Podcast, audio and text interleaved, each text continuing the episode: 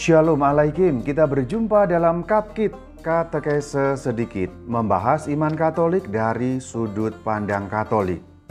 Seri Katekismus dengan judul Iman Pribadi dan Iman Gerejawi. Saudara-saudari, iman selalu perbuatan pribadi. Kalau seseorang beriman, itu pilihannya sendiri.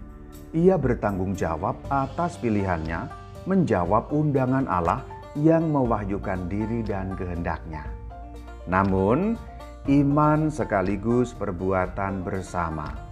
Iman selalu merupakan jalinan rantai orang-orang beriman. Artinya, beriman tidak bisa sendirian. Mengapa?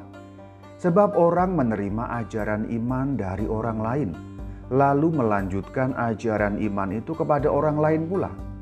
Orang lain itu sekurang-kurangnya sahabat keluarga terdekat. Karena itu, aku percaya selalu berarti kami percaya. Apa yang saya percaya adalah apa yang dipercaya oleh gereja Katolik. Yang pertama-tama percaya adalah gereja.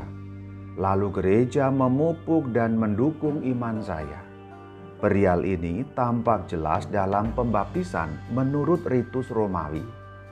Pemberi baptis bertanya kepada penerima baptis, "Apa yang kamu minta dari gereja Allah?" Jawabnya, "Iman." Iman gereja Katolik itulah yang menjadi imanku. Gereja Katolik memang tidak menyelamatkan. Keselamatan datang hanya dari Allah. Lalu bagaimana kaitan antara kita dan gereja dan Allah? Begini, Keselamatan datang hanya dari Allah, namun kita menerimanya melalui gereja. Maka gereja selalu disebut bunda, bunda kita. Gereja Katolik itu pendidik kita dalam iman. Karena iman kita adalah iman gereja, kita memerlukan rumusan iman untuk menyatakan iman bersama, merayakannya, menjadikannya milik kita untuk semakin menghidupinya. Gereja Katolik itu bagaikan ibu yang mengajari anak-anaknya berbicara.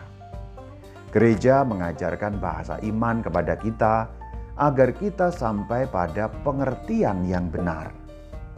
Maka gereja Katolik memiliki rumusan yang sama untuk menggambarkan imannya.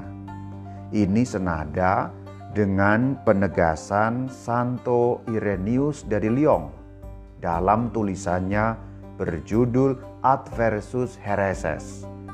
Meski di atas bumi ini terdapat aneka ragam bahasa, wibawa tradisi hanya satu dan sama.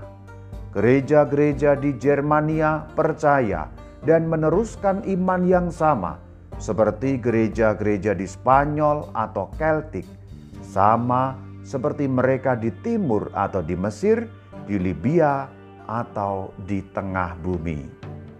Jadi, iman memiliki hubungan ganda, pribadi sekaligus gerejawi. Iman pribadi selalu adalah iman gereja Kristen yang satu, kudus, katolik, dan apostolik. Demikian penjelasan atas katekismus gereja Katolik nomor 166 sampai 175. Bersama saya, Referendus Dominus Istimur Bayu. Shalom Alaikum. Alaikum Shalom.